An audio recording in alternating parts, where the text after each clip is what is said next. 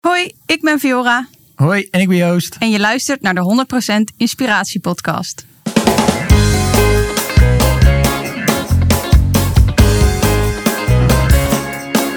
Hey, wat goed dat je luistert. Hij staat weer voor je klaar. Je wekelijkse dosis inspiratie is weer daar. De allerleukste gasten geven al hun kennis prijs. Met je veel te blije host, hij praat je bij. Zijn naam is Thijs. Thijs,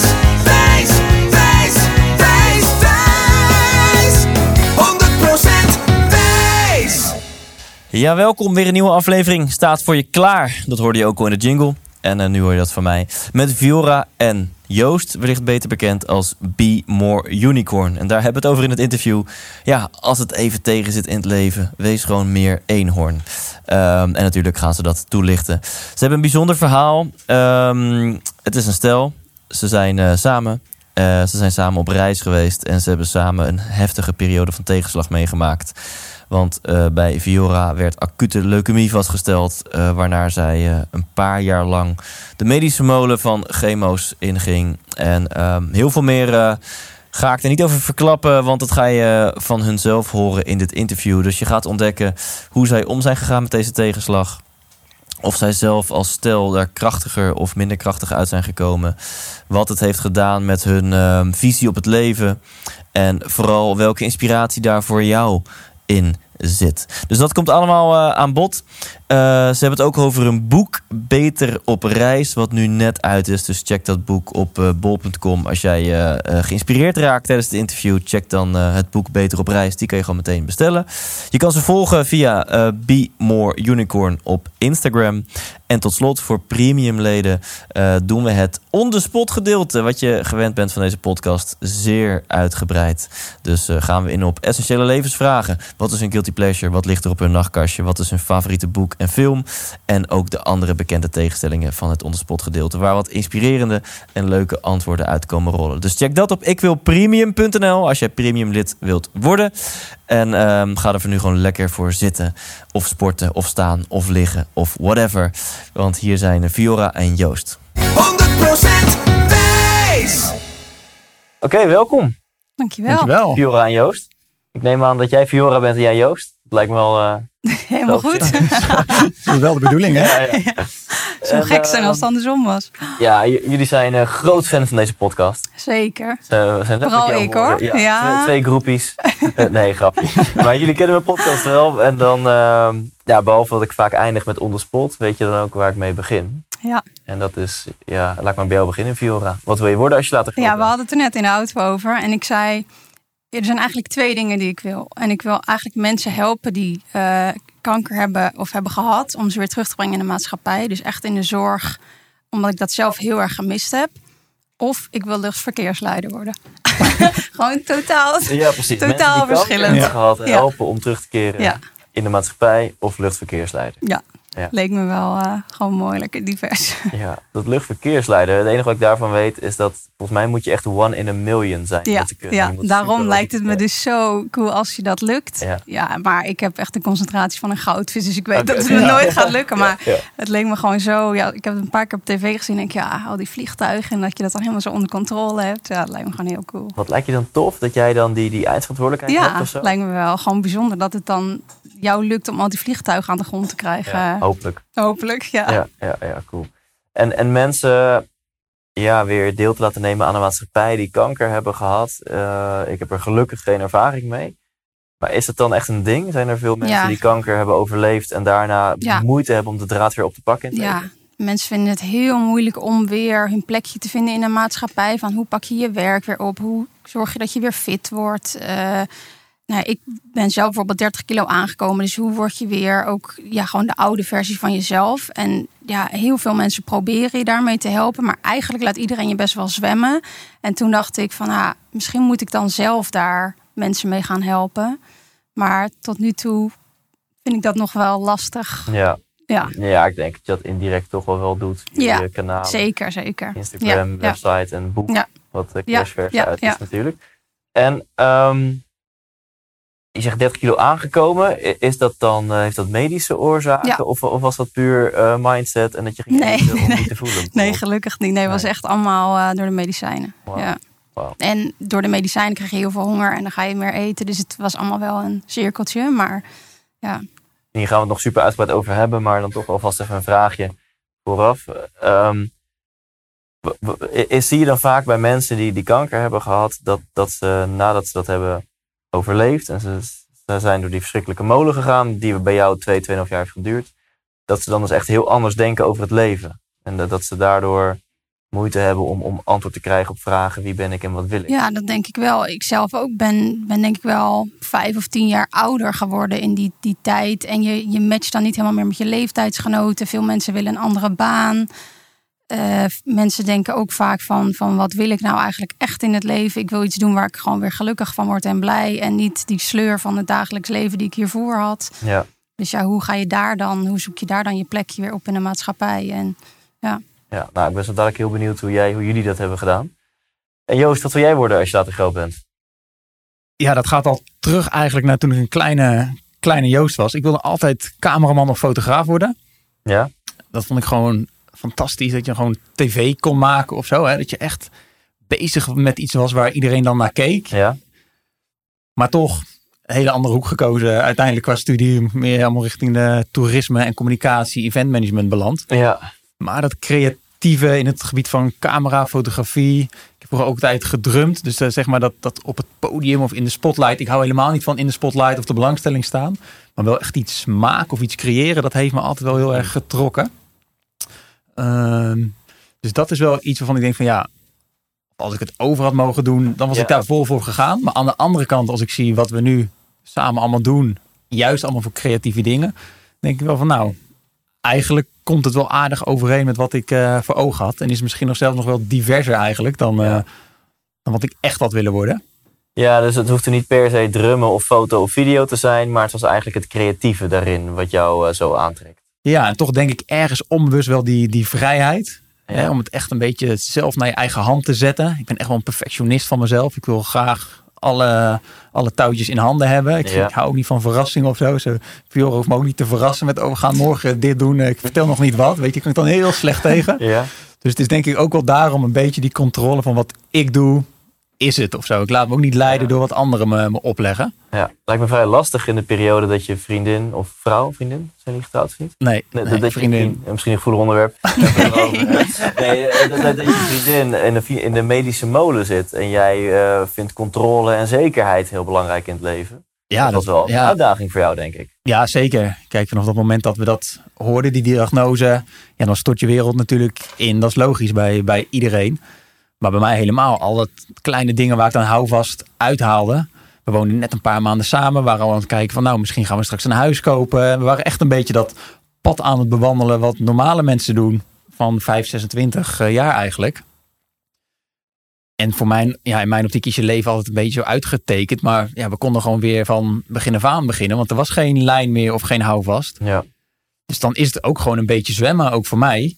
Maar aan de andere kant, de enige houvast die ik had en voor mezelf was eigenlijk Fiora, zeg maar. En, Ja. en haar ziekteproces. En dat was het enige wat, wat telde op dat moment. Ja. Eh, vrienden, familie, werk, dat, dat maakt eigenlijk niet uit. Je gaat een soort van zorgmodus, knop gaat om, Ja. overlevingsmodus. Hoe je het allemaal wil noemen. Maar dat is dan het enige wat telt. En dat maakt het ook juist wel heel overzichtelijk. Nee, ja, dat is ook het woord dat in mij opkwam. Het is natuurlijk een verschrikkelijke situatie, maar het is wel overzichtelijk. Ja, zeg maar. En, en, en ook daardoor heb ik heel veel geleerd. Want dan merk je in één keer dat sociale druk. Hè, van oh, je moet uit met vrienden. Of je moet carrière maken. En je moet twee keer eh, op vakantie. En ja, je moet gewoon heel veel hè, in, het, in het leven eigenlijk. Als je Ja. daar heel eh, vanaf Ja. een afstandje naar kijkt. En dat hoeft allemaal niet. Want Nee. bij alles kon ik eigenlijk zeggen. Nee, ik doe dit niet, want mijn vriendin is ziek. Of nee, ik kom niet, want... En dat was best wel ook wel een soort van verademing. Dat ik dacht van, oh, dus zo makkelijk kan het. Hè? De reden is niet heel leuk om dat te zeggen. Ik kom niet, want mijn vriendin ligt eh, te vechten voor de leven in het ziekenhuis. En dan besef je in één keer dat mensen denken, oh, dan, dan is het een goede reden om even los te komen ja. van die sociale verplichtingen. Ja, ik snap helaas wat je bedoelt. Want, eh, ja, best wel kort geleden is mijn moeder overleden. En eh, ik moet heel erg denken aan de eerste week na het overlijden. Want dan, dat staat in het teken van de uitvaart te regelen. En ik heb mijn agenda ge, ge- eh, geruimd. Dat heeft mijn broer gedaan. Onze beide vriendinnetjes hebben dat gedaan. En het was echt gewoon een week van met z'n vieren Ja. in het huis van mijn moeder zitten. En eh, ja, of je zat aan de, aan de keukentafel dingen te organiseren. De rouwkaart en de dienst en de kist en wat ik het allemaal. Of je ging even naar de slaapkamer waar ze lag. Even een potje in je Ja. oog uit je kopje hangen. Oh. En dat, Ja. ik, soms kan ik er wel naar verlangen. Die week was super, super verdrietig en pijnlijk. Ja. Dat jij ook zal herkennen van jullie periode die zwaar was. Maar heel overzichtelijk. Ja, en dat is ja. wel ergens fijn ook. Het is misschien nu nog te, te vroeg om, om te zeggen in, in, in deze podcast. Maar we zeggen wel heel vaak tegen elkaar van ja, weet je, deze ziekte gun je, gun je echt niemand natuurlijk. Maar het hele proces wat je als mens doormaakt. Ja, dat is wel een verademing. Weet je, en dat gun je wel Ja. echt iedereen. De kijk op het leven en op Ja. de wereld en voor je eigen ontwikkeling. En dan, ja, we gaan een beetje er nu al op de feiten vooruit lopen. Maar, maar Fiora, geloof jij dan in dat dit ja, ergens meant to be was? Of, of dat, dat, dat, dit, dat, dat dit in leven gekomen is om jou een bepaalde les te presenteren? Ja, dat denk ik echt wel. Er was een, periode dat het mentaal gewoon heel slecht met mij ging daarvoor. En toen dacht ik, ik, ik weet niet wat ik wil qua werk. En het gaat allemaal niet zoals ik wil. En nou ja, toen werd ik ziek. En toen dacht ik in één keer, ja, maar nu heb ik zo'n overlevingsdrang. En nu wil ik zo graag iets van het leven maken. Terwijl daarvoor dacht ik, nou, het hoeft allemaal even niet meer. Dus ja, absoluut denk ik dat dit wel meant to be was. Ja, en kon je daar later pas zo over denken? Of, Ja, ja, ja. dat was in het begin denk je echt eh, van, hè, waarom moet ik dit eh, doormaken en waarom ik? En En, en hoe begon dit? Want als ik dat even goed eh, zie op mijn speakbriefje, dan is het ergens begin eh, 2016, januari 2016. Dat, dat, dat je wat, wat schokkende resultaten op je, op je bloedprik eh, Ja, kreeg. ja. En eh, neem ons even mee naar, naar wat er dan, eh, hoe dat allemaal begon. Ja, ik had samen met mijn moeder een bedrijf. En die zei al weken van, nou, het gaat niet goed met je. Je ziet er gewoon slecht uit. Andere mensen zeiden dat ook. En ik zei vaak tegen Joost van, nou, ik voel me niet lekker. Mag ik achter op de fiets bij jou? Want mijn spieren doen zo'n pijn. En dat ja, fietsen voelde gewoon echt nou, als een marathon elke keer. En, en toen waren we op een feestje met oud en nieuw. En ik kwam die avond gewoon bijna niet door. En eh, toen kwamen we thuis en toen zei ik tegen Joost, het gaat gewoon niet meer. Ik, ik ben echt kapot. En toen zei hij, oké, je gaat morgen de dokter bellen en naar het ziekenhuis of eh, bloed prikken, want dit kan niet. Zo kunnen we het jaar niet beginnen. Nou ja, dus toen heb ik de huisarts gebeld. Toen mocht ik komen bloed prikken. En toen ehm, zou ik een week later de uitslag krijgen. En toen belde hij na twee uur. En toen zei hij dat je nog op je benen staat, is echt een wonder. Dus toen moest ik naar het ziekenhuis. En eh, nou, toen, twee dagen later kregen we de diagnose. De diagnose. Acute leukemie. En krijg je daar ook meteen de, de, de motiverende woorden bij te horen wat je kansen zijn? En, en, Nee, eh, helemaal niet. Ze zeiden tegen ons van oké, het is leukemie en het is heel ernstig, maar welke vorm en hoe we je gaan behandelen weten we niet. Je mag nu naar huis en morgen moet je in het andere ziekenhuis melden en dan gaan we voor, voor je verder kijken. Dus wij werden naar huis gestuurd eigenlijk met niks. En dan denk je wel even van oké, en nu? Ja. En toch hebben we er die avond echt een hele mooie avond van gemaakt. Met het gezin, met mijn ouders en mijn broertje. En, en met Joost, met z'n vijven hebben we gegeten. En ja, achteraf denk ik, hoe lukt het om als gezin dan zo... Natuurlijk, iedereen is wel stil en iedereen zit in zijn eigen wereld. Maar dat het dan lukt om met z'n allen aan tafel te zitten... en voor je gevoel nog ergens een fijne avond te hebben... en gewoon normaal te slapen. Ja, achteraf denk ik echt van, dat is echt zoiets geks dat dat lukt. Maar ja. blijkbaar ga je dan in zo'n modus met z'n allen van... oké, hops, oké. ja, als je er nu aan terugdenkt, denk je, hè, je hebt die dag te horen gekregen dat je leukemie Ja. hebt. In het moment is dat nieuws dus kerstvers en kan je eigenlijk al met je dierbaren een fijne avond beleven en eh, Ja. die verbinding voelen, alsof je er heel erg zen mee om kan gaan. Ja. Zo. Ja, en ik heb mijn oma nog gebeld en mijn tante gebeld en mijn vriendinnen allemaal geappt van wat er aan de hand was. En terwijl als je het ja, bij iemand anders zou horen, dan zou je denken van hoe lukt dat om dat dan zo allemaal te regelen en te doen. En ja, en toch kom je in zo'n zo'n modus om dat dan wel te doen. Ja. En Ja. hoe was het voor jou? Was het voor jou, Joost, net zo zen? Of eh, werd jij wel helemaal gek in je kop? Nee, ik ben wel redelijk gek geworden. Ja. Ja, want je moet ook even vertellen eh, dat Joost ging heel erg eh, huilen tijdens het gesprek en ik zelf helemaal niet. Het kwam zeg maar niet echt aan Ja. bij mij en hij ging helemaal stuk. Terwijl normaal zijn de rollen echt andersom. Ja. Ja, ze had mij voor die tijd nog nooit zien huilen. Nee. Wow. Ik, ik ben sowieso niet echt een huiler of zo emotioneel eh, dat ik dat uit op die manier.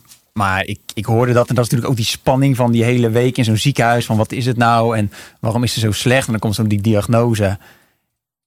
En dan denk je alleen maar ja, dit is kanker en dit, dit, dit, dit kan niet. En hoezo haar en, en ik en wij en hoe gaat dit? En ja, dan heb zo'n soort van blackout eigenlijk. Ja, dus toen, toen brak ik helemaal. En dan denk je van, ja, dan zal zij wel helemaal stuk zitten. Maar ze zat gewoon heel koeltjes en voor zich uit te staren. Nog ineens naar die arts, maar van, ja, dit gaat niet over mij. En ja, kunnen we zo gaan, want ik moet nog eten, weet je wel. Ze was heel, ja, heel, heel zen eigenlijk. Ja. En op den duur kwam het wel toen ze steeds meer mensen het gingen vertellen. Ja, het is leukemie. Want mensen gaan het ook vragen. Oh, want je stuurt een bericht van ah, ik, eh, ik heb leukemie en dit en dat. En ja, ik krijg natuurlijk 800 vragen terug van iedereen. Ja. En ook zo'n arts die, die gooit natuurlijk wat even wat olie op het vuur. Van ja, er bestaat kans dat je het niet gaat halen. Eh, we weten niet hoe het is met je, eh, met je eicellen. Of we die nog kunnen, kunnen behouden, zeg maar, invriezen of niet. Dus je krijgt best wel klap op klap in een hele korte Ja, tijd. ja. En je gaat kaal worden. En ja, dat je echt denkt van, wow, gaat dit over mij, over ons? En eh, ja, wie, wie drukt op, eh, op stop van deze hele slechte Ja. film? Maar doordat zij op den duur, zeg maar, ze had dat ook wel een soort van verwerkt. En bijna een soort van zin in die chemo. Van nou ja, kom dan maar op, weet je wel. Eh, Nou ja, omdat ik wist dat dat het enige was wat Ja. me nog ging redden. En ik dacht, ja, want die arts vroeg aan mij, was vrijdagmiddag. En hij zei, je mag nu naar huis en het weekend nog thuis blijven. Of we starten nu. Toen zei ik, ja, laten we dan maar nu beginnen. Ik voel me hartstikke slecht. Eh, als die chemo mijn leven moet redden, dan ga ik niet nog een weekend thuis zitten wachten op Nee. niks. Nee. Hoe, hoe gaat zo'n chemobehandeling? Want dan zeg je, we starten nu. En dan, oh, ja. Ja. dan, eh, Nou, dat dan was gaan we ook- je voorbereiden op de eerste behandeling. Ja, nou dat? ja, dat was nog wel een ding. Want ze, ze hebben ons dus niet voorbereid op die eerste behandeling. Er kwam gewoon iemand, een verpleegkundige met een zak chemo binnen. En die zei, ja, ik koppel dit even aan. En eh, hij gaat nu lopen. Ik zei, sorry, maar we hebben nog helemaal geen uitleg gehad. Eh, ga, ga ik me hier slecht door voelen? Ja. Ze zei, oh, nou ja, dan... ik, ik hang hem eraan, maar er komt zo wel iemand die komt het even uitleggen. Nou ja, en ja, nou ja, zo zijn er heel veel dingen geweest in het ziekenhuis waarvan wij echt dachten: oei, oei, oei, dit kan gewoon niet. En Mhm. Ja, dan denk je echt van: dit is zo'n heftige behandeling die je ingaat. En je voelt je dan zo verloren dat, dat niemand je even bij de hand neemt van: oké, dit is je allereerste chemo en het gaat zo. Dus toen zijn we allebei ook wel boos geworden van: ja, Ja. er gaat nu gewoon iemand komen en die gaat ons nu Ja. uitleggen. Nou, uiteindelijk kwam dat ook wel en eh, werd er goed uitgelegd. Maar ik vond het wel heel heftig dat je dan in zo'n proces ook nog zo zelf je best moet doen Ja, om dat voor elkaar te krijgen. zo. Ja, Ja. Want er wordt een, een zakje chemo aan je Ja. infuus gehangen. Wordt in je bloedbaan Ja. eh, gedruppeld. Ja. En hoe, hoe lang duurt zo'n eh, ja dat verschilde bij mij heel erg. De ene chemo duurde twee uur, de andere duurde zes uur, de andere een half uur. Ik had zoveel verschillende soorten, dat eh, Ja. was niet aan ene. Thanks Joost. Ik schreef hier nog aan. Kijk. van alle markten thuis. Ja, ja, Hopsakee. Toch een perfectionisme. Ja. Ja, zie je? Daar ga je al. Ja, ja. ja. En ehm, hoe lang ehm, duurde het voordat je ja, eigenlijk met een vrij grote mate van zekerheid wist, het is pittig, maar ik ga dit overleven. Dus eh, hoe, hoe Ja, heb je nog in de onzekerheid gezeten van, ja, misschien is het einde Viora. Ja, twee weken ongeveer. En toen, eh, want die arts zei het moet binnen twee weken aanslaan. En als het niet aanslaat, dan hebben we een probleem. Ja. Dus wij dachten alleen maar, oké, het gaat aanslaan. Eh, Er is geen twijfel over mogelijk, het gaat gewoon aanslaan. Nou ja, en zo ben ik er ook heel erg ingegaan. En ergens natuurlijk in je achterhoofd weet je van, mm, oké. Maar ik heb wel heel erg die focus gehouden op, ik ga dit overleven. Ik ben onsterfelijk en hopsakee. Dus toen we na twee weken te horen kregen dat eh, het aantal eh kwaadaardige cellen van 86% naar 1% waren gegaan. Ja, dan denk je wel echt van oké, dit gaat de goede kant op. Ja, nu gaan we het overleven. Ja, En we gaan ervoor met z'n allen. En ik weet ook nog wel heel goed dat ik toen dacht... nou, als, als nu al die chemo of al die kankercellen uit mijn lichaam zijn... dan zijn we klaar. Maar die arts zei ook, ja, leukemie is zo agressief. Als we nu stoppen, ben je over twee weken weer terug bij je af. Ja. Dus die behandeling is gewoon 2,5 jaar. En die moet je ook echt afmaken. Want anders zit je hier over een tijdje weer. 2,5 jaar van chemo's. Ja. Ja, en negen maanden dan hele zware chemo via het infuus waar je zo kaal van wordt. En daarna dan nog anderhalf jaar eh, chemo via pillen. En dat, dat is wel lichter, maar is nog steeds wel chemo. Je bent 2,5 jaar gewoon goed Ja. ziek. Ja. Zo. Ja. En, en dan die, die twee weken van onzekerheid. Nou, wederom ben jij best wel zen. Eh, Joost, hoe was dat eh, bij jou? Zat jij alleen maar met de gedachte van straks verlies ik de vrouw van mijn dromen? En, eh, of had je ook vooral focus op positieve afloop? Ja, op den duur wel. Na een paar dagen was het bekend van oké, het is deze vorm en zo gaan we het behandelen. En die arts was daar ook gewoon best wel stellig in. Van ja, weet je, we hebben hier een plan liggen nu op tafel. Het is een plan van 2,5 jaar. Waarbij we gewoon eigenlijk van dag tot dag konden zien wat er op het programma stond. Ja. Dus als alles volgens het schema zou verlopen, wist je eigenlijk al de datum wanneer ze klaar zou zijn. Dus dat gaf heel veel houvast. Zeker voor mij. Hè. Ik, ja, ik wil weten waar ik aan toe ben. Ja, ja, ja, Dus dat gaf, en eigenlijk ook wel voor, voor het hele gezin eigenlijk een soort van, eh, ja, het werd een soort van bijbel eigenlijk. Hè? Dat, dat, dat boekje met het hele programma erin. Ja. En zo ja, leven we een beetje zo van, van dag tot dag. En gingen we, ja, maakten we er ook gewoon wat van. Ik ben dat eerste weekend gewoon blijven slapen. Reden ze gewoon een extra bed in die kamer. En hebben daar een soort van eh, slaapfeestje gehouden Ja. met z'n tweeën. Ja. Ondanks dat zij natuurlijk met de infuus en de chemo en, en allerlei piepjes om de heen. Het is natuurlijk verre van ideaal om in een eh, ziekenhuisbed naast haar te, te slapen. Waar eh, de zusters een paar keer per nacht komen checken of het goed gaat. Ja. Maar het was wel weer heel fijn van ja, we gaan dit wel gewoon samen doen. Dus dat besef daalde heel langzaam in van ja, it is what it is. En we Ja. moeten hier nu wel echt proberen het beste ervan eh, van te gaan maken. Anders wordt het een heel lang eh, proces van, eh van 2,5 jaar. Ja. En Zo, ja, het ene moment heeft zij mij dan weer opgebeurd en het andere moment moest ik er weer voor haar zijn. Ja. Dat gaat een beetje met, met vallen en opstaan. Maar met, met name ook die arts. Kijk, Fiore was heel positief, maar ook die arts was gewoon heel positief. En die zei van ja, je kan onvruchtbaar worden, maar hij haalde een, een, een la tevoorschijn met allemaal geboortekaartjes van zijn patiënten, zeg maar. Hij zegt ja, die van jullie komt hier ook gewoon eh, te liggen en daar gaan we alles aan doen. Wauw. Dus met dat soort kleine dingen ja, wist hij ons wel te raken. En dat we Ja. ook dachten, van, ja, we zijn wel in goede handen. Ja. Zeker in het begin. Hè? Dan, is, dan hoor je ook nog weinig verhalen van... Ja, dan heb je nog niet contact met lotgenoten of anderen. En op een gegeven moment krijg je natuurlijk steeds meer informatie eh, Oh. tot je. Ja. Dat je bijna denkt van... Wow, we hebben wel echt geluk gehad. Maar op, in dat begin ja, leef je gewoon voor dat moment en, en wat je weet. En dat is dan ook maar het beste hoor. Ja, en, en Fiore, jij zei net in die twee jaar tijd word je eigenlijk tien jaar ouder qua wijsheid. Ja. Ehm, waar, waar is dat eh, eh, een beetje begonnen? Misschien in die 2,5 jaar al, waarin je merkt van ik, ik ben een ander persoon aan het worden. Ik ben anders over het leven eh, ben ik aan het denken. Ja, ik vind het moeilijk om daar één moment voor te, te, te noemen. Maar ik merkte wel heel erg met vriendinnen die heel druk bezig waren. Gewoon met hun dagelijkse ding. Met, eh, dan kwamen ze binnen en dan ging het over dat hun manager vervelend was of zo. En dacht ik echt, nou ga je daar nou echt over zitten Ja. zeuren? Kom op. Ja, En dan vertelde ik wat, wat mijn dag had, eh, wat ik allemaal had doorstaan op zo'n dag. En dan besefte ik daarna altijd van, wow, ja, ik, ik zit hier middenin en zij maken zich druk om zoiets. Ja, dan in één keer besef je van, nou, dat is gewoon wel heel anders. Ja. ja. En, en is dat blijvend? Want ik snap als je er middenin zit dat het mega relativerend is. Hè? Ja. Dat je nadenkt van, joh, maak jij je even lekker zorgen om je gestoten teen of die boze e-mail van je baas, eh, what the fuck. Maar ik kan me ook voorstellen dat als je er eenmaal weer uit bent, dat je heel snel weer verwend raakt door Ja. het leven. En, en eh, dat je, is dat blijvend of heb je nu ook dat je er helemaal doorheen zit als een Instagram post een keer niet het engagement Ja, oplevert die je had tuurlijk. verwacht? Je, je hebt ook, eh, als je in de rij staat bij de kassa, dat je af en toe denkt, jongen, jongen, wat is het hier druk. eh, En, en dan Ja, kan je ik bent wel... niet ineens verlicht. Nee, is heel vaak hoop ik dat dat, dat dat wel zo is. Maar tuurlijk, je bent ook gewoon een mens. En het is niet zo als je zoiets meemaakt dat je er inderdaad daarna bij alles denkt: oh, boeiend. Ja. Nee, Nee, dat. Wat blijft wel? Nou ja, heel erg die, die focus op kies voor jezelf. Doe iets wat je leuk vindt. Eh, ja, maak gewoon van elke dag een feestje. Want je gezondheid is zo, zoiets belangrijks en zoiets moois. Ja. Dat is wel echt wat bij mij heel erg blijft hangen. Ja, en Joost, hebben jullie dat in de praktijk gebracht? Maak van elke dag een feestje. Nou, we hebben het wel geprobeerd in ieder geval. Zeker, zeker de laatste jaren. Maar ook wel tijdens, hè, wat ik zeg, tijdens het hele ziekteproces hebben we wel gewoon ieder dingetje ja, wat reden voor een feestje was. Of het nou een einde van een kuur of een, een start van een kuur, bij wijze van spreken. Want dat was soms ook goed nieuws van, oh, Ja. we kunnen toch weer door. Hè? Eh, zoveel complicaties hebben we natuurlijk ook meegemaakt. Dus zo hebben we van alles een feestje proberen te maken. En Fiore zei op een gegeven moment al vrij snel van ja, maar als het af is gelopen, hè, als ik echt klaar ben met mijn behandeling en ik ben weer helemaal gezond, ja, dan gaan we er echt een feestje van maken. En dan wil ik ja, op reis of iets leuks doen. Ja. En ik had zoiets van ja, oké, ja, leuk, maar dat zien we dan wel, weet je. We, we moeten, we moeten nog twee jaar eh, rustig aan, eh, tijger. We, Ja, ja. eerst even beter worden. Ja. Hè, laten we eerst eens gaan, eh, een, een huis gaan kopen en dan onze toekomst denken of zo. Ja.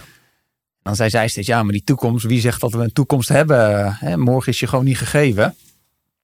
Dus ik wil gewoon op reis. Ik zeg, ja, misschien een maandje of drie. Hè. Ik had gewoon, ik was aan het werk als sales manager. Ik had gewoon een leuke baan, leuke collega's.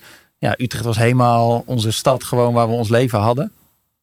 Zij bleef me pushen van ja, maar het, we kunnen zo meteen niet als het klaar is. Gewoon de deuren dicht doen in het ziekenhuis en er weglopen. En van nou, we gaan ons leven weer, eh, weer oppakken in Utrecht. Ik wil Ja. gewoon op reis. Ja. Dus dat heeft heel lang geduurd. Zeg maar voordat echt dat enthousiasme en echt het, het, het maken van, eh, van je dag, zeg maar. Ja. Dat dat ook bij mij er echt in zat. Maar op den duur dacht ik ook van ja, maar wat ben ik nou aan het doen? Hè? Dan zit je op kantoor en dan hoor je collega's inderdaad over een snotneus, over de trein die vertraging had. En dat het eigenlijk allemaal, eigenlijk is alles kut. Hè? Het werk is kut, eh, thuis is het, eh, loopt het niet soepel. eh, en ze moeten sporten en ze moeten dit Ja. en dat. Ja. Dat, ik, dat ik ja, ook dacht van ja, maar kijk wat ik thuis heb zitten. En dan is moeten, ja, moest ik maar iets hè, van, van jouw eh, orde van grootte. Dan maakte mij dat al gelukkig. Ja. Dus naarmate de tijd vorderde en het steeds beter met Fiora ging, zei ik ook tegen haar van ja, misschien moet het maar gewoon doen, die wereldreis, weet je. En dan zien we wel hoe het loopt. In de tussentijd hebben we nog wel een huis gekocht. Dus die zekerheid heb ik er nog wel, eh, heb ik er nog wel in gekregen. Ja, ja, ja. Ik weet niet of dat nou een zekerheid is als je op wereldreis bent. Dat je elke maand een hypotheek hebt. Maar eh Nou ja, we konden het nu wel gewoon lekker verhuren tijdens onze reis. Ja, klopt, dus, dat wel. Ja, ja. en ik had zoiets van ja, ik ga mijn baan opzeggen. Dus dan, en als we dan ook geen huis hebben of iets, dan kom ik terug en dan heb ik helemaal niks. Hè? Ja. Want zij zegt even, ja, maar als er niks aan is, na twee, eh, twee weken. Want dat was een beetje mijn angst. Wat nou als we het niet leuk vinden? Hè? Wat nou als we denken, ja, en nu? ja, we missen thuis. Ja, ze zegt, ja, maar dan zijn we toch zo weer thuis. Ik zeg, ja, maar dan, en dan? We hebben geen huis, geen werk, eh, niks. Ja, ja. Dan voel ik me ook zo eh, alleen. Dus ze zegt, nou, we gaan een huis kopen. En nou goed, uiteindelijk was ik degene die na een jaar reizen, want we zouden een jaar gaan. Die zei van, nou, ik wil eigenlijk nog wel even door. Ik, eh, ben nog lang niet zat. En terwijl Fiora zoiets had van, nou, op zich nu naar Nederland zou ik ook wel lekker vinden. Weer lekker naar mijn eigen huis en naar de kat en naar familie. Ja. En ik had zoiets van, nee, we moeten door. Ja, ja, ja. En, wat werd het? Ja, dus we gingen nog een half jaar door. Ja. Althans, dat was het, eh, was het plan. En toen kwam corona. Ja, We zaten in Nieuw-Zeeland, toen waren we net een jaar weg. En we zouden nog naar Japan gaan, naar Zuid-Amerika. Maar goed, toen kwam corona en toen eh, hadden we zoiets van... ja, we gaan dit risico ook niet lopen om hier te blijven... of Ja. wel nog verder te reizen. Dus toen zijn we gewoon met de repatriëring eh, teruggegaan naar Nederland. En dat is nu al bijna een half jaar. eh, En, en denken jullie dat zonder deze ziekte die wereldreizen nooit was gekomen? Nee, dan waren we nooit op wereldreis gegaan. Wauw. nee. Dus dat is Zeker echt- Joost niet. Ik, Nee. ik, ik misschien, maar Je zal geen namen noemen? Nee. maar Jou had het niet gelegen. Ja. aan mij had het niet gelegen. Nee, absoluut niet. ja, maar dat is toch wel bijzonder. Dat je ja, echt dus door deze ervaring denkt, ja, fuck it. Ja. Ik wil doen waar ik gelukkig van Ja. word. En je leeft maar één keer. En pak die kans en ga. Ja, ja dat, precies wat je zegt. Ja. Ja, je, had er, een- je zou er een boek over moeten schrijven. Nou, Je zou er een boek over schrijven. Wat is dat? hey, bruggetje. Ik zie die PR-dame al met het boek Ja. hier van... Hey, eh, Tempo, tempo, ja. Ik weet niet of je het wel kent, maar dat terzijde. Ehm nee, ehm ja, over die wereldreis kun je natuurlijk allemaal verhalen vertellen, maar dat, dat is in principe een andere podcast. Maar eh, eh, een praktische vraag daarover, dat, dat kost geld, wereldreis. Hoe, hoe hebben jullie dat gedaan? Hebben jullie gespaard of hebben jullie gewoon keihard met hashtags geld verdiend op een reis? Hoe is dat gegaan? Nee, dat, dat laatste was toen zeker allemaal nog niet aan de, aan de orde eigenlijk. Qua, qua Instagram en, en online. Hè, Fiora was wel heel veel online aan het delen over haar ziekte. Ehm, die was al, voordat ze ziek werd, best wel online als een soort fit girl actief. Mhm. Zeker in die periode hè, bestond Instagram heel veel uit die fit girls. En Ja. daar, ja, dat, daar was Fiora er ook eentje van. En toen werd ze ziek en toen dacht ze van, ja, wat ga ik nu doen? Ga ik dat ook delen of niet? Ja, Want ja, als ik het ga delen, dan moet ik ook alles delen. Ik kan dan niet alleen maar de, de positieve kanten Ja. delen. Dan moet ik ook het negatieve laten zien. ja, ja, ja. Dus dat is zij gaan doen. En dat heeft zeg maar zeker voor haar account een enorme groei gekregen. En mensen vonden dat gewoon ja, deels interessant, maar ook ja, leefden ze mee. En hè, was het ook voor heel veel mensen een proces ook weer van herkenning. Van mijn vader of mijn neefje. Of... Dus er kwamen ook heel veel mensen weer tot haar van... Oh, wat goed dat je het deelt. Hè? Want misschien ja, die heeft ook wel een beetje een taboe op. En eh, dus zeg maar dat hele openheid van, van online zijn... dat heeft voor haar heel veel betekend. Ja. Toen hadden wij op een gegeven moment zoiets van... ja, als we dan straks op reis gaan... moeten we dat misschien ook dan maar online gaan delen. Hè? Want dat vinden misschien heel veel mensen ook wel leuk. Ja. Maar dat is dan weer een hele andere groep Ja. mensen eigenlijk... dan die haar volgen vanwege haar, haar ziek zijn. ja, ja. Zo is toen dat hele ja, het delen van onze wereldreis ontstaan.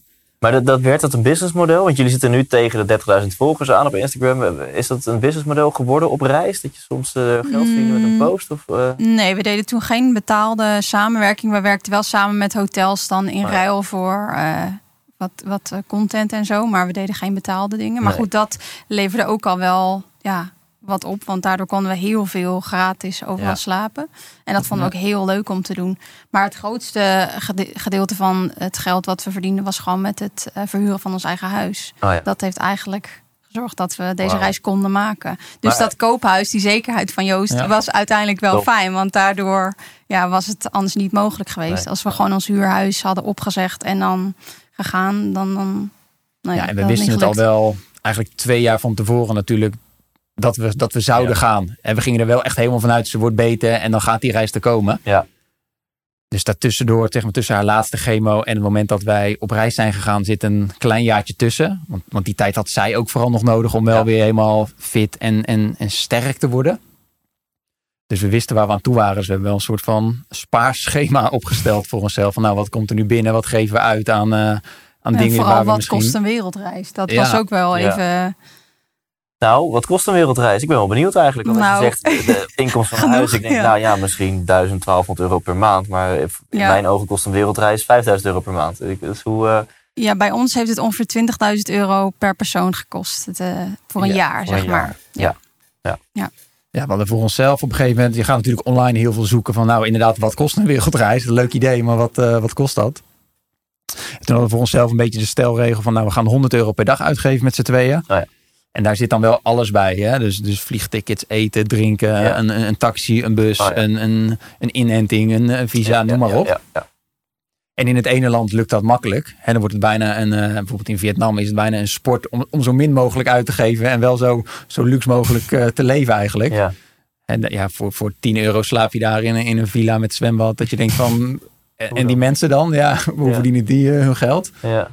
Maar in Australië en Nieuw-Zeeland met, met 100 euro, ja, dan kom je nergens hoor. Dan, eh, heb je een camper. ja, weet je, dus, dus zo hebben we het een beetje uitgebalanceerd. En hebben we dat Ja. wel als, als gemiddelde genomen. En Ja. we hebben iedere uitgave bijgehouden. Ja, klinkt heel suffig. Het was op- Klinkt als een beetje zekerheid, controle misschien. Noem maar wat. ja, maar dat was dan weer vooral Fiora haar ding. Oh, ja, die zit op de centen.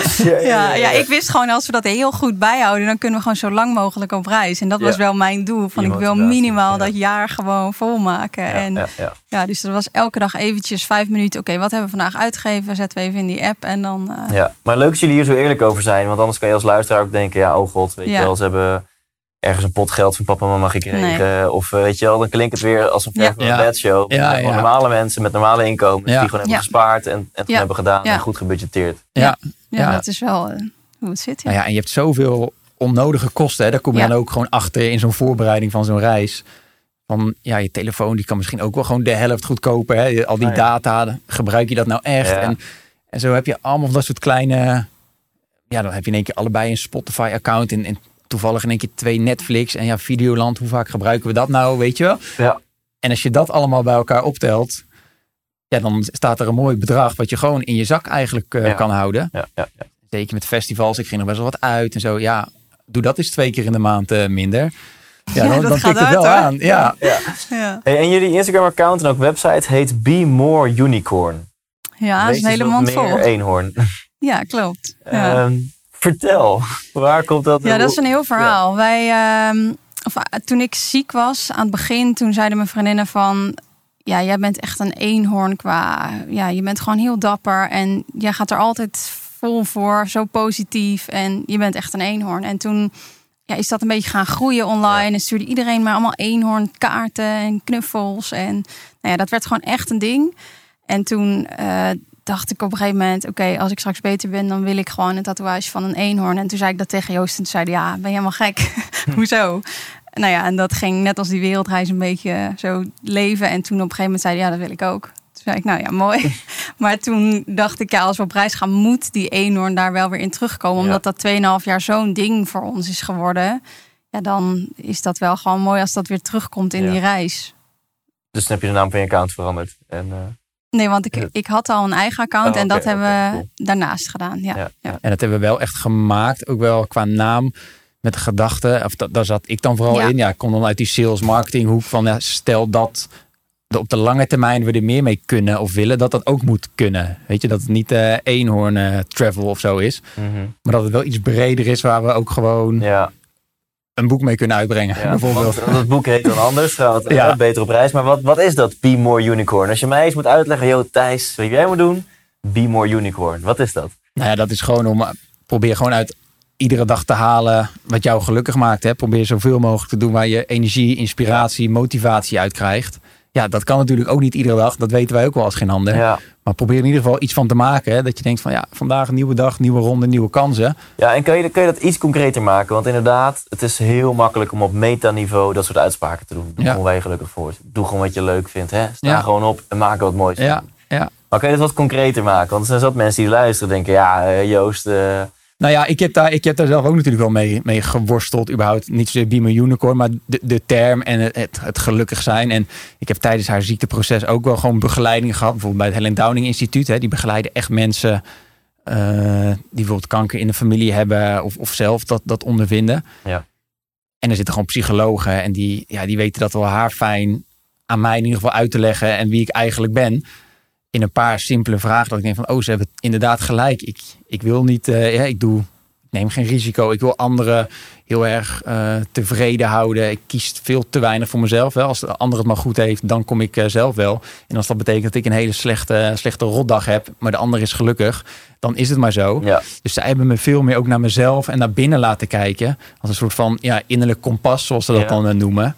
Van bij iedere keuze, ga eerst eens na van ja, naar welke kant slaat, eh, slaat die uit? Hè? Word je daar nou gelukkig van als jij ja. eh, vanavond naar die vriend gaat of, of niet? Of word jij gelukkig van als je de kroeg in gaat of niet? Hele simpele dingen. Het is natuurlijk, ja, het is ook heel simpel. Word je daar gelukkig van ja of nee?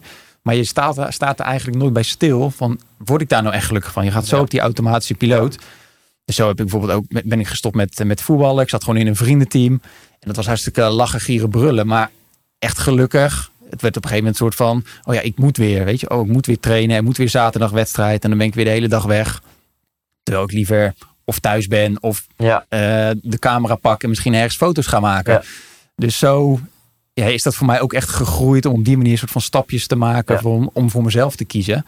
Ik zeg niet dat iedereen voor zichzelf moet kiezen, want dan krijg je ook een hele gekke wereld. Nou, gezond egocentrisme mag best soms. Ja, maar het zijn in ieder geval echt de keuzes van wat maakt mij op dat moment gewoon, waar krijg ik een lach van op mijn gezicht. En wat je nu eigenlijk omschrijft is jouw tocht van, nou, je was best wel een pleaser naar gewoon iets meer eh, voor jezelf leven. Ja. Eh, en je omschrijft nu echt de praktische kant, hè, dat je eigenlijk bij je gaat houden van, hey, krijg ik er energie van of niet? Eh, moet ik het dan wel of niet doen? Vaak in het leven is, is het helaas niet zo dat, dat de praktische oplossing de oplossing is. Hè? Vaak ligt het wat dieper, wat spiritueler. Ja. Ehm, heb je dat bij jezelf ook, ook onderzocht? Hè? Kwam je erachter van, hey, waarom please ik anderen? En waarom vind ik het zo lastig om voor mijn eigen geluk te gaan? Nou, zo heel diep, zeg maar, ben ik daar nog niet, of nog niet aan toe. Hè? Dat kan Ja, natuurlijk ook. Wat dat betreft ben ik natuurlijk maar net een paar jaar, zeg maar, mezelf zo aan het ontwikkelen eigenlijk door dit hele proces. En dan is het dan lastig om te zeggen, oh, dat komt uit je jeugd of dat komt uit je Ja. keuze voor, voor die studie of die vrienden. Dat, dat ja, vind ik lastig om te zeggen, om daar echt een, een, een richting aan te geven. Ik denk op een gegeven moment, in principe is iedereen gewoon goed zoals hè, hij of zij is, met de juiste intentie. Ja. Alleen is het maar net het, het pad dat je bewandelt en welke, welke afslag je eigenlijk neemt. Ja. En eigenlijk kunnen alle, alle afslagen naar het, juiste, naar het juiste eindstation leiden. Maar ja, de ene weg is wat langer dan, dan de andere. Ja. Hey, en in jullie boek, Beter op reis, net uit. Ja, eh, te bestellen via nou, een link die ik in de outro ga noemen in deze podcast-episode. En eh, misschien tijdens lindhout.nl slash op reis of zo. Lijkt me een leuke, leuke URL. Ehm, wat, gaan mensen, wat gaan mensen lezen? nou mensen gaan eh, vanuit onze beide per- perspectief lezen hoe het is om zo'n ziekteproces door te maken. En wij proberen vooral vanuit het positieve daar dus mensen in mee te nemen.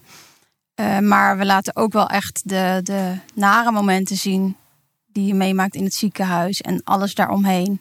Want we hebben ook genoeg momenten thuis gehad dat we om vier uur s'nachts in één keer naar de spoedeisende hulp moesten met de taxi. En terwijl ik net mijn haar was verloren omdat ik doodziek was. En, en dat proces laten we zien. Maar ook ja, echte geluksmomenten Ja. van eh, dat ik weer beter ben. En eh, ja. En dan gaan mensen leren in het boek hoe ze om kunnen gaan met tegenslagen. Want dat is natuurlijk wel een heel belangrijk thema. We zitten nu met z'n allen in een soort van tegenslag genaamd eh, fucking eh, corona.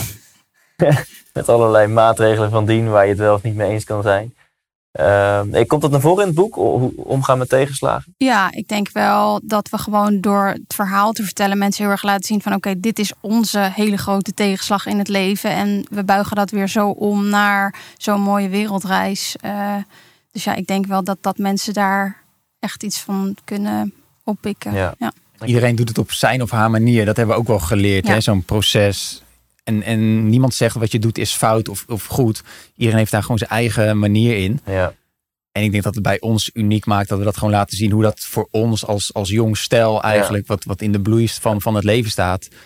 Ja, hoe, hoe die dat meemaakt. Er zijn natuurlijk heel veel boeken wel over, over patiënten of nabestaanden. En dat zijn dan of vaak mensen die al in de belangstelling staan. Of die je kent. Of die al... Ja. Uh, die daar echt iets veel meer over kunnen vertellen. Over misschien een soort zelfhulpboekachtig. Maar wij is het gewoon, het is gewoon ons verhaal. Punt, ja, weet je? Jullie zijn geen goeroes die zeggen nee. een nee. zes stappen plan en een nee. uh, vijf uh, prisma matrix. nee. weet ik veel wat. Maar jullie vertellen gewoon, dit is hoe wij het hebben ervaren en hebben aangepakt. En is er dan iets, want het, het is ook verschrikkelijk wat er gebeurd is, maar het is ook een vrij happy peppy verhaal van wat, er, wat het allemaal heeft opgeleverd voor jullie persoonlijk. En, en, en, en dat jullie nu ja, in onze Inspiratie podcast zitten. Kijk eens aan. Ja. Morgen word je wakker denk je, wat is er nog? Precies, ja, echt hoor. nu is het voorbij. Maak er ja. zingeving uithalen als je dit hebt meegemaakt. Maar dat merk je morgen wel. Ja. Um, maar is er ook iets waarvan je denkt, ja, dat hadden we echt anders moeten doen? Dat je nu terugkijkt dat je denkt, ach, dat was echt, uh, dat was fucked up. Had ik anders moeten aanpakken. Nou, Viola zegt naar Joost. Want, uh, niet ook Joost. of linkje op iets. Oeh. Dat vind ik een hele lastige.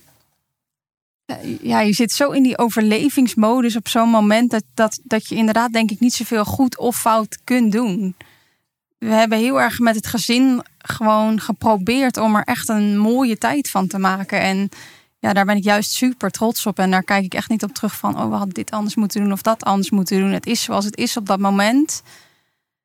En ja, dat was op dat moment goed, denk ik. Je, je handelt dan naar hoe je je voelt. En we waren allemaal best wel open als gezin. En dat vond ik heel fijn. Iedereen durfde te zeggen wat hij wilde zeggen. En ja. Ja. En laat ik zo zeggen, als nu weer zoiets gebeurt, laten we alsjeblieft hopen van niet. Nou, helemaal niet hetzelfde. Maar als er weer zo'n heftige tegenslag op je pad komt, dus weer met de, de malle molen van ziekenhuisbezoeken en zo. Denken jullie dan dat je bepaalde dingen anders aan zou pakken?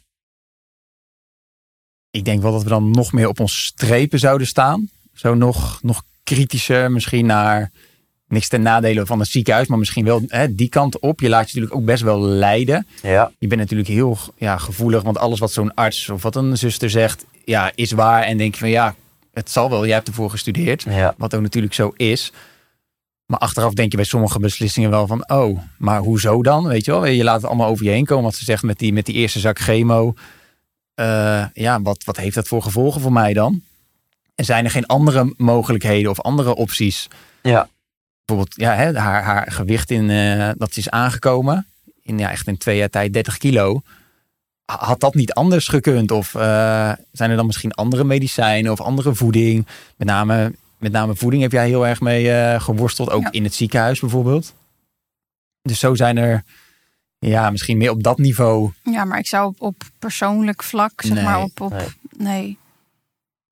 Dus voor mensen die uh, iets soortgelijks meemaken, uh, staan we wat durf op je strepen te staan. Het is jouw proces. Ja, en vooral ook durf met elkaar te praten hierover. Ja. Veel mensen gaan heel erg in zichzelf zitten van, ik vind het allemaal eng en lastig. Maar ik denk door heel open met elkaar te communiceren, kom je veel ja, op een veel fijner niveau met elkaar. En, en ga je zo'n proces gewoon veel fijner door. Dan dat je allemaal denkt, nou, ik zeg niks meer, want ik weet het niet. En ik, ik wil het allemaal niet ja. bespreken. En dat zou ik wel echt aan mensen adviseren die zoiets meemaken.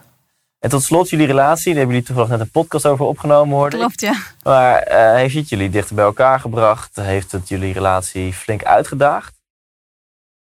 Um, ja. Ik... Uh, vind het altijd een lastige vraag, omdat je natuurlijk niet weet hoe je erbij had gezeten. We hebben zeven jaar een relatie en daarvan ben ik dus 2,5 jaar ziek geweest. Van hoe had je erbij gezeten als die 2,5 jaar gewoon normaal was geweest? Dus dat kan je natuurlijk ook bijna niet. Mm Maar ja, wij gingen gewoon nog steeds heel goed met elkaar. En, en natuurlijk verandert de rol wel een beetje van een, eh, van vriend en vriendin naar een beetje mantelzorger en patiënt op sommige momenten. En dat is wel lastig om dan die balans weer Ja. recht te trekken. Dus dan moesten we wel weer echt even zeggen: oké, we stappen even uit die rol en we gaan wat anders met elkaar Ja. doen. We gaan even gezellig uit eten en we gaan even niet praten over het ziek zijn. Ja. Maar dat ja, is zo moeilijk in zo'n zo'n situatie om dan echt te denken: nou, het is er nu niet. Dat, dat gaat bijna niet. Maar ik, ik kan wel gewoon hardop zeggen dat onze relatie daar geen, geen tik van heeft gehad. En dat we inderdaad juist wel dichter naar elkaar toe zijn. Ja. ge- ja. En hoe is jouw beleving, Joost? Ja, wel e- exact hetzelfde. Het, Ja. het is natuurlijk heel raar. Je komt op een ander niveau met elkaar. En wat ik zeg, ik ging nog wel gewoon naar, naar werk. Dus ik kwam thuis ook met werkverhalen en collega's dit. Of af en toe in de stad met vrienden. Dus mijn leven ging ook nog wel een soort Ja. van door. Wat natuurlijk ook ergens wel heel raar voelt hoor. Als je weet wat, wat er thuis gebeurt. En dan kom je thuis en dan vertel je dat. En zij heeft daar niet echt verder een, een, een verhaal of een antwoord op over haar dag. ja, en, ja. En, en dat maakt natuurlijk ook heel, heel apart. Om dat op die manier met elkaar te ervaren. Want één in, ja, in een moment ben je mantelzorg. En dan ben je weer gewoon eh, de vriend die, die gelukkig met z'n tweeën op vakantie eh, gaat. En is er een moment van twijfel geweest bij een van jullie? Dat je denkt, ja, eh, werkt dit wel tussen ons? En, Nee. Die nee vraag nou, is vooral heel vaak gesteld. Ja. En dat, dat vind ik vooral heel shocking. Dat mensen daar zo mee bezig zijn van... trekken jullie het wel samen? Nou, wat denk ik shocking is, is dat veel relaties knappen op het moment dat ehm, een van de Ja. dat, dat, dat, je relatie onder druk komt te staan. Of het nou Ja. is dat een van de twee een burn-out heeft, een van de twee heeft kanker, of een Ja. ouder overlijdt, of je hebt een financiële crisis. Ik denk dat het wel een vergrootglas legt op je relatie. Ja. En dat het een kans is om eh, meer verbinding aan te gaan en een hechte relatie op te bouwen. Maar als het fundament van je relatie niet goed is, dan legt het daar een vergrootglas op. Ja. Ik denk dat daar de vraag, zo'n projectie altijd, van veel mensen vandaan komt. Eh, Dat denk ik ook, van, ja. ja. ja. wij dachten elke keer van... Hè, vragen mensen dat nou echt? Van, gaat dat wel? En Ja. ja, zeker aan Joost hoor. Aan mij... eh, Iedereen vond het bij mij heel normaal dat ik bij Joost bleef. Maar andersom zeiden mensen heel vaak van... ja, maar vind je dat niet veel te zwaar? En het is zo'n lang proces. En dat hij ook altijd thuis kwam dan van... ah, ik kreeg weer zo'n vraag. Wat, wat bizar. Ja. Ja, ja, maar dat komt ook hè, met, met komt een vrouw bij de dokter. En mensen hebben daar een bepaald beeld bij. ja. dat een man dat dan gaat doen of een heel anders in het leven gaat staan. In dit geval bij, bij zo'n man-vrouw Ja. verhouding. En dat het dan ook geoorloofd is. Hè? Dat is dan ook misschien een reden. Ja. Net zoals dat ik de reden heb van nou, ik kom niet op dat feestje, want mijn vriendin is ziek. Ja. Oh, hij doet zo, want zijn vriendin is ziek. Weet je? Ja. Dus het is bijna Ja. ook een soort van het, het goed praten van iets. Wat helemaal Ja. natuurlijk niet, niet goed te praten valt. Maar dat mensen daardoor, ook misschien door het beeld wat ja, wordt geschetst, eh, dat mensen Ja. zo gaan, gaan denken. En we zeggen wel eens in, in, in die periode ook, we hebben elkaar ontmoet via Tinder. Nou, dat vinden heel veel mensen ook al. Oh ja, Tinder, maar, maar goed. Aan de ene kant, of je elkaar nou ontmoet in de kroeg of op Tinder, dat maakt niet uit, weet je wel. Ik zeg wel eens, ja, als ik naar de andere kant op had geswiped en ik had jou niet gezien, ja, hoe had mijn leven er dan uitgezien? Hè? Dan had Ja. ik inderdaad geen, Geen eh, wereldreis. Geen wereldreis en geen, eh, eh, geen, geen kankerervaring, zeg maar, op die manier meegemaakt. Ja, ja. Maar ja, wat had het me dan wel gebracht? Dat weet je natuurlijk ook altijd niet. eng als je, als je teruggaat. We redeneren naar, naar wat heeft het uiteindelijk geleid dat ik jou heb ontmoet. Of dat ik die Ja. keuze heb Ja. gemaakt. Dan word je met terugwerkende kracht helemaal lijp van. Wow, Ja. Dus die ene swipe. van, hey, weet je wel. Ja, daarom. Dus, Ja, ja, ja, ja.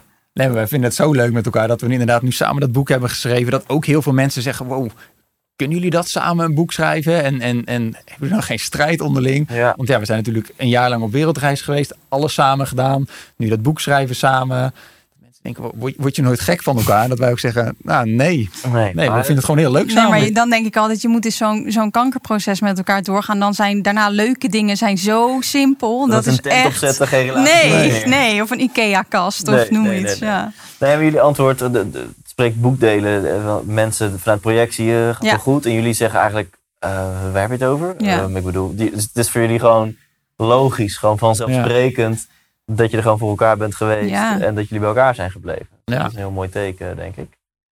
Ehm, ja, we gaan afronden. We gaan zo dadelijk voor, voor de premiumleden gaan we nog het on-the-spot eh, gedeelte doen. Dus dat wordt eh, nou, laatste test oei. Yes. Count your blessings. Ja. We weten niet hoe het straks met jullie gaat. en ehm, als mensen eh, inspiratie willen op Instagram, dan moeten ze denk ik gewoon Be More Unicorn Ja. gaan volgen. Zodat jullie naar die 30.000 volgers gaan. Yes. Nou, dan ben ik echt gelukkig. Enorm, ja, ja, ja. Dat is het hoogste doel in het leven. Ja, en eh, het boek Beter op reis. Nou ja, op thijslindert.nl slash op reis zal er wel iets tofs komen wat ik in de outro ga noemen. Maar mensen kunnen ongetwijfeld op Bol en zo dat boek gaan Ja. bestellen. Ja, bol, Zeker. boekhandel. eh, Ja, tot slot is er dan nog een, eh, een wijsheid die jullie eh, willen delen met de luisteraar voordat we gaan afronden. Oeh, ja, zoveel, maar... ik denk gewoon Be More Unicorn. Ja. ja. Doe, eh, doe wat, je, wat je gelukkig maakt. Ja, Ja. maak je eigen, geef Ja. je eigen betekenis aan. Ja. Lieve luisteraar, be more unicorn. Ja. Oké, dank jullie wel. Dankjewel. Dankjewel. Wijs, 100% wijs. Thanks, thanks, thanks eh, Viora en Joost voor het delen van jullie eh, open, eerlijke en kwetsbare verhaal. Als je hun boek wilt bestellen, check dat dan gewoon via bol.com of in de boekhandels. eh, beter op reis. Of ga naar thijslindhout.nl slash opreis. thijslindhout.nl slash opreis. Want daar kun je een van de twee gesigneerde exemplaren winnen. Die gaan zij voor jou eh, signeren en die sturen ze gewoon naar jou toe. Of als je eh, nog meer inspiratie van hun wilt, kan je geen genoeg van ze krijgen. Word dan premium lid en dan krijg je toegang tot een extra video van 20 minuten. Waarin ik eh, met hun het heb over eh, leuke, grappige, maar ook hele waardevolle vragen. Zoals ehm, wat is je favoriete film en boek?